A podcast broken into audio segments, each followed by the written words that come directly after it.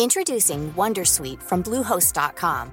Website creation is hard, but now with Bluehost, you can answer a few simple questions about your business and get a unique WordPress website or store right away. From there, you can customize your design, colors, and content. And Bluehost automatically helps you get found in search engines like Google and Bing. From step-by-step guidance to suggested plugins, Bluehost makes WordPress wonderful for everyone. Go to bluehost.com/wondersuite.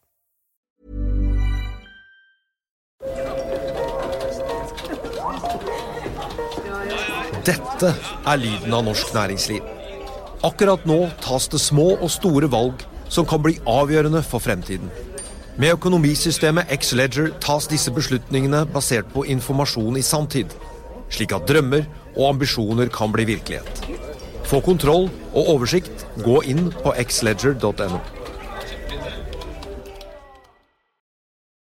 Denne sendingen er sponset av Xleger.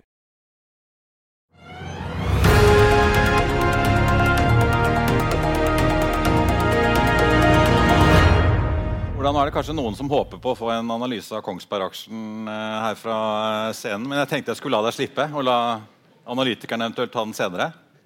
Litt trøblete med den der aksjen. Ja. Du, eh, for å si det litt spøkefullt, du er jo midt i en omstillingsprosess nå. Du, du gikk av i eh, sommer. Eh, men hvis du tenker da på hvor Norge skal Du har startet ålselskap. Skal du omstille deg tilbake til oljenæringen som går så det griner nå? Eller hva, hva tenker du? Hvor er, det, hvor er det hot å satse i Norge nå? Altså, jeg, jeg, tror jo at uh, det er mye framtid i olje, og det er veldig mye framtid i norsk olje. Uh, så det eventyret er på uh, ingen måte over. Og akkurat nå så ser vi jo at det genererer overskudd i statskassen som det aldri tidligere har gjort. seg. jeg tror I fjor så var det tallet nesten 1100 milliarder i netto tilførsel. litt sent. Det, altså, det er jo det er en slags sånn fantasillion. Det er sånn onkel Skrue-penger. Men hvis du zoomer da litt ut, sant, så er jeg både veldig optimistisk med tanke på det norske samfunnet. fordi at det er helt riktig. Vi er vel kapitalisert. og det, Så lenge hele verdensøkonomien ikke går fullstendig eh, ad undas, så, så, kommer det til å være rike muligheter for rike og gode liv i Norge. Men så ligger det jo en, et sånt men i dette her òg. fordi uh, det går an å tenke at, Og jeg tenker det. Eh, denne enorme oljerikdommen er jo en slags hemsko for det norske samfunnet over tid. I den forstand at vi alle sammen blir sylta ned i en økonomisk virkelighet der vi egentlig ikke trenger å anstrenge oss så mye som vi ellers måtte ha gjort. Eh, og nå har Statens andel av BNP den har passert 60% med god margin. Den kommer sannsynligvis bare til å fortsette eh, oppover. Jeg tror Under Erna så var det nesten 1%, i året. Og Det betyr altså 40 år til med Erna, så, så lever vi i det kommunistiske paradis. hele gjengen. Da har vi nasjonalisert denne kiosken eh, ned for Stortinget. Det er vel det siste som, som går. Men eh, du får fortrengningseffekter. Eh, og vi kommer til å sitte igjen med en økonomi der man enten er eh, offentlig ansatt, offentlig lønna, eller at det er innenfor den nasjonale økonomien, altså ikke konkurranseutsatt næring. Og så er det grunnrentenæringene våre som kommer til å trekke lasset. Det er der vi kommer til å være konkurransedyktige på den internasjonale arenaen. og, altså, jeg tror det er sannsynlig. Og så er ikke det samme som at vi ikke kan ha det veldig gøy og at vi ikke kan ha det veldig bra. Men forestillinga om at vi f.eks. skal bli verdens beste land å produsere uh, batteri i, med ressurser vi ikke har, uh, er veldig spørrende. Må du ikke skuffe Trygve, han går og drømmer om denne Hegnars batterifabrikk. Men Svein Harald, Oljen, da. Altså, hvis du sitter nede på kontinentet i Europa i fjor, invasjonen av Ukraina et faktum, så misunner du jo Norge som sitter der med all den oljen og gassen som vi kan selge til uh, kjempepriser. Men ser du på det som en uh, midlertidig glede, men på lang sikt en forbannelse for oss? Eller er det bare fryd og gammen fordi dette, hvis vi ser på grafene til Aran, er dette noe vi kan holde på med til uh, godt over 2050? Først er jo, sitter jeg og regner på alt det er på kveldene. da. Og en ting jeg regnet på, det var Hvem tjente mest på økte gasspriser i fjor? Var det Norge? Nei, det var det ikke. For det som skjedde var jo at Da gikk jo kraftprisen i Europa opp. Og hvem lager mest kraft i Europa? Jo, det er Frankrike. Så den største vinneren på gasskrisen i fjor var ikke Norge, det var Frankrike. Nest største, hvem var det? Jo, det var de som investerte i fornybar. Og kraftprisen gikk opp. Så vi, på en måte så var grunnrenten fra norsk vannkraft som fornybart nesten like stort som fra, fra gassektoren. Så man må sitte og regne litt mer da, for skal få med seg disse tallene. Men det er noe så.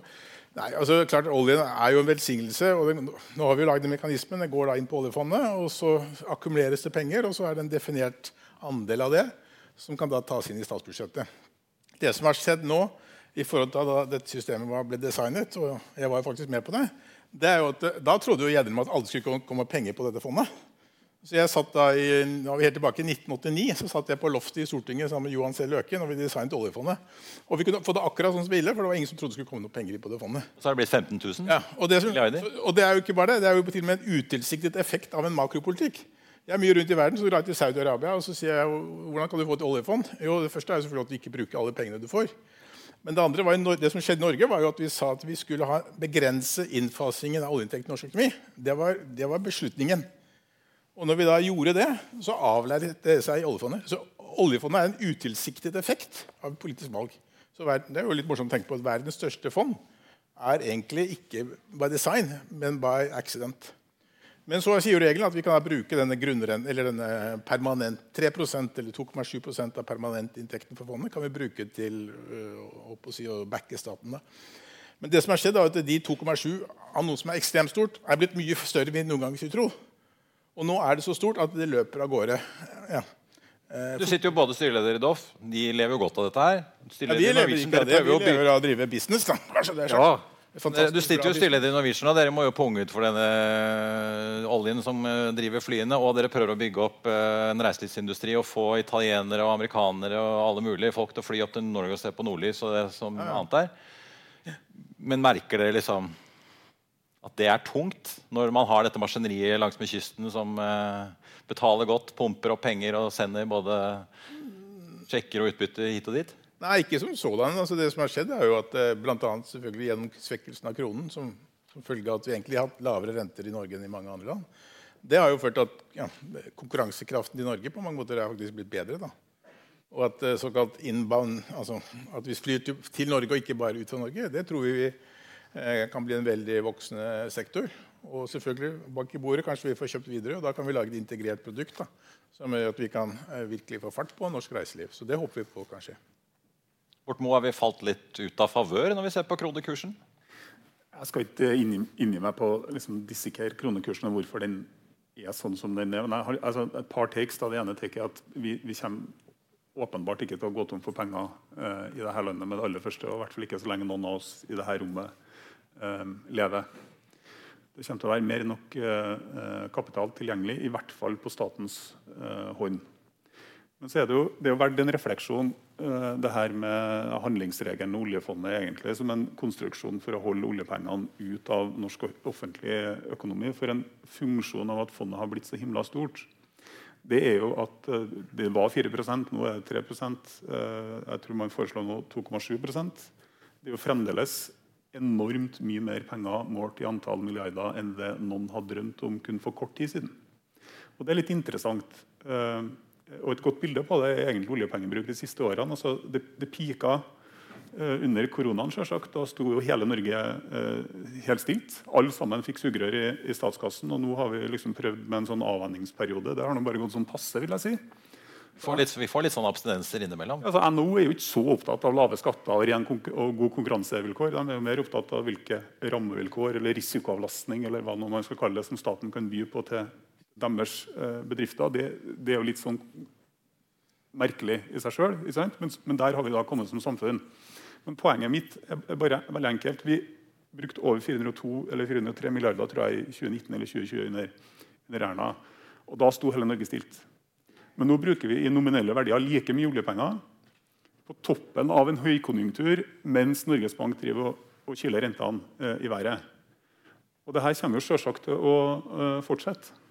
Altså Det beløpet kommer til å bli større. og Det betyr igjen at i forlengelse av at ikke penger vi går short på, det er på en måte realkapasitet i form av folk og kompetanse og andre typer ressurser. Det er det som kommer til å være begrensninga for hva det er vi får til i det norske samfunnet fremover. Ikke mangelen på penger.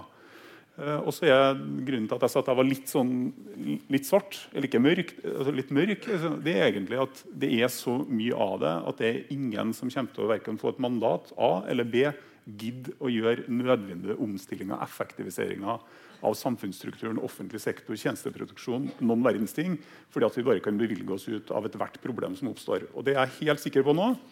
Det at Nå sitter man og følger med som noen hauker både i Finansdepartementet og på statsministerens kontor, og ser man at det er så vidt tegn til at arbeidsledigheten går i taket, eller at det går litt uh, trått innenfor bygg og anlegg, så kommer man til å dra til med Keynes og motkonjunkturpolitikk, og vi kommer til å få massevis av statlig stimuli. Og plutselig så bruker vi 500-600 milliarder hvert eneste år, og ikke, ikke 400 som mål.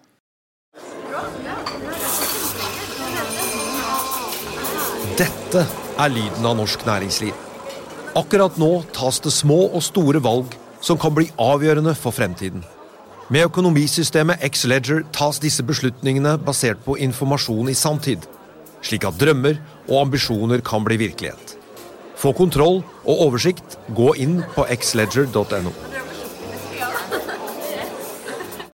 Denne episoden er sponset av van Brun, en fremtredende smykkeforhandler kjent for sitt brede utvalg av forlovelsesringer, gifteringer og diamantsmykker som bæres og elskes i generasjoner. Et frieri er en av de største øyeblikkene i livet, hvor forlovelsesringen er et tidløst symbol på kjærligheten. Ring krever omtanke for både hvilket metall og diamant, med et bredt spekter av både naturlige og labdyrkede diamanter, og metaller som platina, gult gull, hvitt gull og roségull hjelper de deg med å sette et personlig preg på din kjærlighetshistorie. Van Brun vil gjerne invitere deg til å prøve på tre av dine favorittringer fra nettsiden helt kostnadsfritt. Du kan også låne et bredt spekter av frieriringer, slik at du og din forlovede kan velge en ring sammen etter det store ja. Van tilbyr 90 dagers åpent kjøp og 90 dagers gratis størrelsesjustering. Utforsk deres eksklusive sortiment i luksuriøse omgivelser. Bok en konsultasjon sammen med en diamantekspert i deres showroom i Oslo. Eller online på vanbrun.com. V-a-n-b-r-u-u-n.com. Skal du kjøre ned på Jernia Svein Harald, og kjøpe brannslukningsapparatet altså, Ida Wolden Bakke, eller som fra en tidligere sentralbanksjef til en annen? Nei, altså Vi må jo vi må få opp stemningen litt i rommet her, da. Og, og da... Det, er jo, det, er jo, moro. Nei, nei, nå, jeg tenkte å erte opp folk litt. Ja. ja. For det, altså, ok, 400 milliarder oljepenger ble brukt. Jo, dere er jo ikke noen representativ gruppe, dere som er i salen, da, men eh, liksom, hva ble de pengene egentlig brukt på? Liksom, opplever hver av oss at vi har fått liksom 70 000-80 000 ekstra? Nei. Så de er, hvor er det blitt av? Og da har jeg selvfølgelig regna på dette også. Den største kilden til økt oljepengebruk det er at sysselsettingsandelen i Norge har falt som en stein. Så vi bruker oljepenger på å betale folk for å ikke være i jobb. Det er den største vekstområdet innenfor norsk oljepengebruk. Det er å betale fullt arbeidsføre folk og ikke være på jobb. Og det har da skjedd for å få politisk stemning. Det skjedde da under Erna Solberg. Eh, da hadde vi en dramatisk Norge lå Øverst lå selvfølgelig Island. Og så lå Norge på sysselsettingsandel. Og så lå Sverige, Danmark, Tyskland, uh, Storbritannia. Hva har skjedd? De andre landene har økt. Norge har falt. Og så sier vi at vi har kompetanseproblem. Ja, vi har kompetanseproblem, men det største problemet vi har, er faktisk at vi betaler folk. altså den største, uh, Det området vi har brukt mest oljepenger, er for å betale folk, fullt arbeidsføre folk på ikke ha jobb. Men Hvor er det dere ser mulighetene i dette landet fremover? Da? Vi har jo nå en gjeng investorer som vi skal høre litt fra senere, som har dratt til Sveits. De syns det er fælt å være her. Vi har uh, mange som har satset grønt, har opplevd at renter og inflasjon har spist opp lønnsomheten i disse prosjektene, og det ligger brakk. Det går veldig bra i sjømat og olje. Men politikerne har skrudd til skatteskruen på hvert fall én av de. Hvor, hvor, ser dere åpenbart ikke batterifabrikker Borten Moe, som du tror blir, som blir det store, men ser du noe annet enn disse grunnrentenæringene?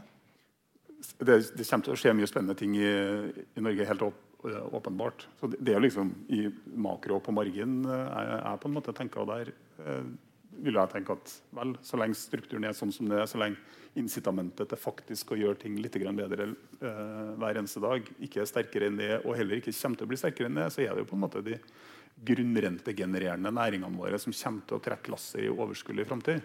Og så er det jo heldigvis sånn at Der er det jo ikke muligheter. Altså, olje og gass ikke over. Vannkraft massevis. Eh, kanskje litt på, på vind hvis eh, energiprisene blir vedvarende høy. Kanskje ting på sjømat, eh, fisk, mineraler. Altså, vi er jo gudebenåda med en fantastisk rik natur og en god forvaltningstradisjon. Så det er, liksom, det er mye å være glad for der. Og det er mye bra som kommer til å skje. Men at vi på en måte kommer til å produsere det neste AstraZeneca eller det neste Microsoft eller det, det neste superenhjørningen som egentlig krever en litt annen drive, det er, det er spørrende til. det. Svein Harald, du, eh, som jeg nevnte i introen, du har jo satset på olje i Brasil. Du kunne sikkert flytte til Sveits hvis du hadde lyst til det, men du har jo ikke gjort det. Hva, hva er det som gjør at du blir? Nei, altså, jeg er Litt farlig i denne salen nå. Det viktigste er jo å tjene penger. da. Og hvis du tjener penger, så kan du betale skatt. Så jeg fokuserer på å tjene penger. da. Og et bra sted å tjene penger er jo selvfølgelig Brasil, hvor jeg har, eh, oljeselskap. Og by the way, vi kjøpte til og med en oljeandel i Venezuela sist fredag. Og da passer veldig bra at Biden i dag opphever sanksjonene. Så det hender jo bare å være Du og Chevron kan le hele veien til banken? Nei, jeg og Chevron, da. Dette er jo ingen som har lov til lov til å vite om, men det kan være at dette Vi tar det her. Vi tar det her i rommet. Så, men det er klart, til ditt Men, punkt men er det det du altså, det, Er det da rundt oljenæringen, rundt sjømat, er det der man bør satse? Nei, altså I moderne økonomi, altså utviklet økonomi, hvor er sysselsetting? Altså Sysselsetting er i tjenesteytende sektorer. 70% av de som jobber, jobber i tjenesteytende sektor. Så klart at Når økonomien vokser, så er jo, og produktiviteten øker i, altså i vareproduserende sektorer, så skvises folk ut av vareproduserende sektor, ut av landbruket og over i tjenesteproduserende sektorer, hvor det er større etterspørsel og hvor det er mindre produktivitetsmuligheter. Så det er jo bare, liksom, Hvor skal folk jobbe? Jo, de skal jobbe i tjenesteytende sektor. De skal ja, øh, ha restauranter, de skal ha hoteller, de skal ha kulturaktivitet. De skal, så dette er jo, ja, og det er det folk vil ha. Altså, folk vil, okay, vi, har lyst, vi trenger et batteri til bilen, men utover det så har vi faktisk lyst til å ha kultur og øh, tjenesteyting. Ja. Så der blir sysselsetting. Er det noe å skamme seg over? Det er ikke noe å skamme seg over. Er tvert om sånn det skal være, for det er det som gir glede til folk, framfor å produsere varer som bare blir billigere og billigere. og billigere. Tenk om vi hadde en svær flatskjermfabrikk i Norge. Det hadde vært den rene katastrofen. Ikke sant? For prisen bare faller og faller i konkurranse med Kina. Nei, da vil vi heller ha baristaer og, på å si, eh, massasje. McKinsey-konsulenter. Ja, en, Vi prøvde oss jo på høy- solpaneler. Det gikk ikke ja, vi prøvde oss på disse solpanelene, det gikk ikke kjempebra. Men det har jo vært en diskusjon om uh, regjeringen vi har nå, da, som du tidligere var en del av, er næringsfiendtlig. Det har vært mye diskusjoner. Jan Kristian Vestre, næringsministeren, og, og Jonas Gahr Støre har prøvd å slå dette litt tilbake. Hva er inntrykket deres? da? Du har jo sittet i regjeringen eh, Nei, den, denne regjeringa som alle andre regjeringer ønsker selvsagt at det skal gå veldig godt med Norge. Um, Det um, håper jeg er en, en tillit til et utgangspunkt som ligger, alltid eh, ligger i bånn. Det som har eh, truffet regjeringa nå, det er jo tror jeg, en kombinasjon av flere ting. Spesielt på eierskapssida. Eh, og så har jo folk en tendens, eller ikke folk en tendens, altså Noen har stemt med føttene, og så har man dratt til Sveits eller andre steder. Eh, jeg tenker følgende om det. altså eh, vi- er på den ene siden nødt til å ha et skattesystem som er rettferdig, i den forstand at alle faktisk er med og bidrar. Det er ikke mulig at de som eh, har aller mest, i praksis skal betale veldig veldig lite, og at vanlige lønnsmottakere skal betale 40-50 av det de tjener til enhver tid i, i inntektsskatt. Altså, det er ikke rettferdig. Men så er du nødt til å finne et balansepunkt da, som gjør at du punkt 1, både opprettholder skattegrunnlaget ditt, og punkt to at det er godt nok til at folk reinvesterer i Norge. og Det jeg personlig er er mest bekymra for hvis vi skulle i for stor grad erodere den norske kapital, private kapitalbasen ut av landet. Jeg tror, jeg tror veldig sterkt at vi trenger den. Det er mye bra å si om staten, men privat investor har igjen egentlig ikke satt opp til, til å være. Eh, og kapital er jo patriotisk. Alle sammen investerer vi i det vi ser, og det vi lever og det vi har rundt oss.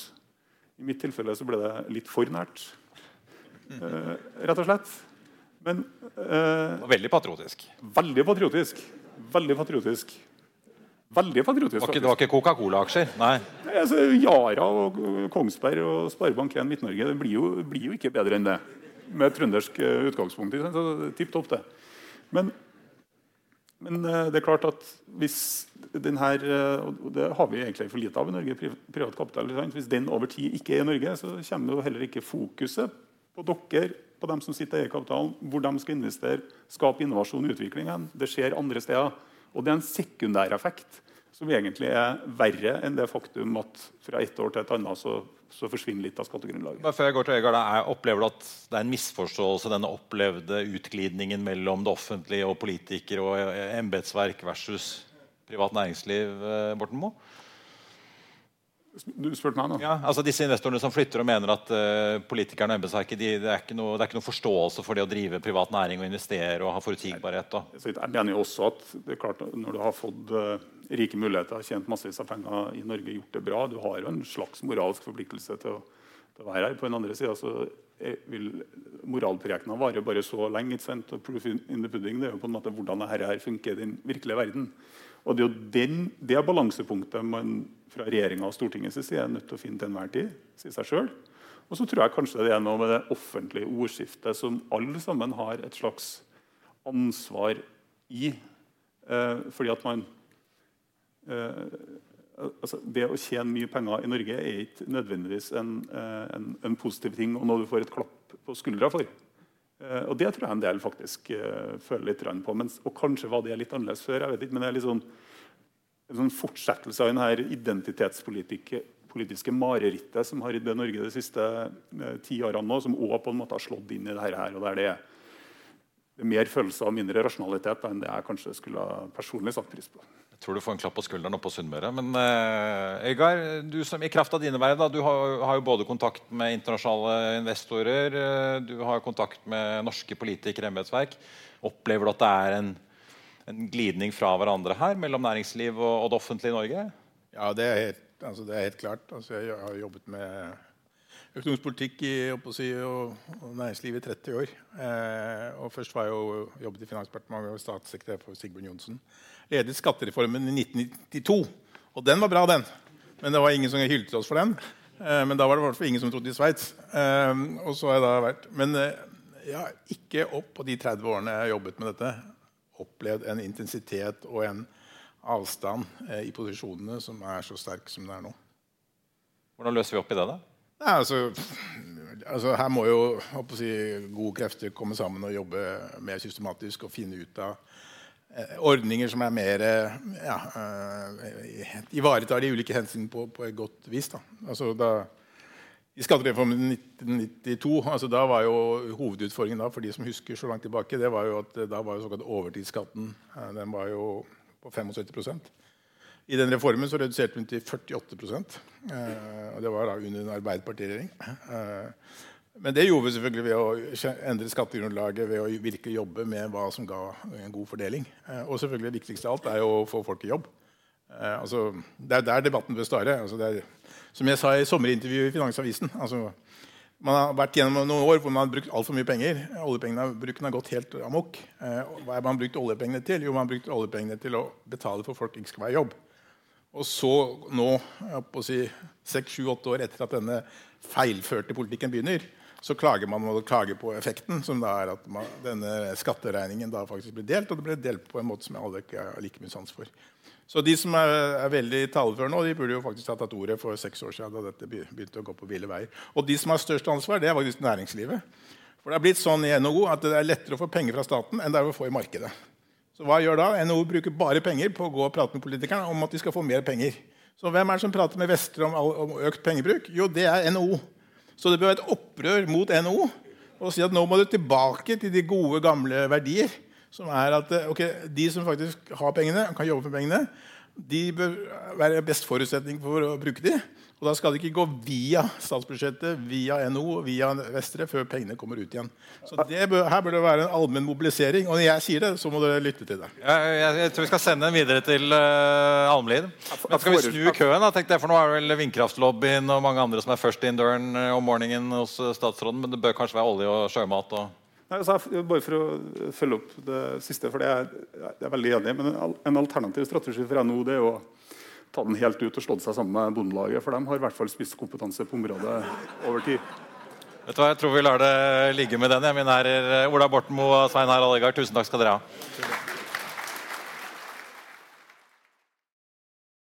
Denne sendingen er sponset av X-Leger. Join us today during the Jeep Celebration event. Right now, get 20% below MSRP for an average of 15178 under MSRP on the purchase of a 2023 Jeep Grand Cherokee Overland 4xE or Summit 4xE. Not compatible with lease offers or with any other consumer incentive offers. 15,178 average based on 20% below average MSRP from all 2023 Grand Cherokee Overland 4xE and Summit 4xE models in dealer stock. Residency restrictions apply. Take retail delivery from dealer stock by 4 1. Jeep is a registered trademark. Hello, listener. Is it me you're looking for? As brands, we're always wanting to make a connection, to find the person you can rely on, the one that's there every week, month, or year, and always has your back when you need them the most. It's a little like matchmaking, don't you think? With ACAST podcast ads, you can filter for your exact dream audience so you can find the ideal customer for your business. The Romeo to your Juliet, the Rachel to your Ross, the Bert to your Ernie, and avoid those red flags and time wasters. Your ads can communicate with them in the most intimate way possible a one on one conversation, a chance meeting in the gym, or a coffee shop. So go on, give it a try. With over hundreds of thousands of listens a month, your person is probably here. Get closer to your audience. Make podcast ads with ACAST. Head to go.acast.com to get started. Økonominyhetene er en podkast og videoproduksjon fra Finansavisen. Programleder er Marius Lorentzen. Aksjekommentator er Karl Johan Molnes. Produsent er Bashar Johar. Podkast- og videoansvarlig er Marius Mørk Larsen. Og ansvarlig redaktør er Trygve Hegnar.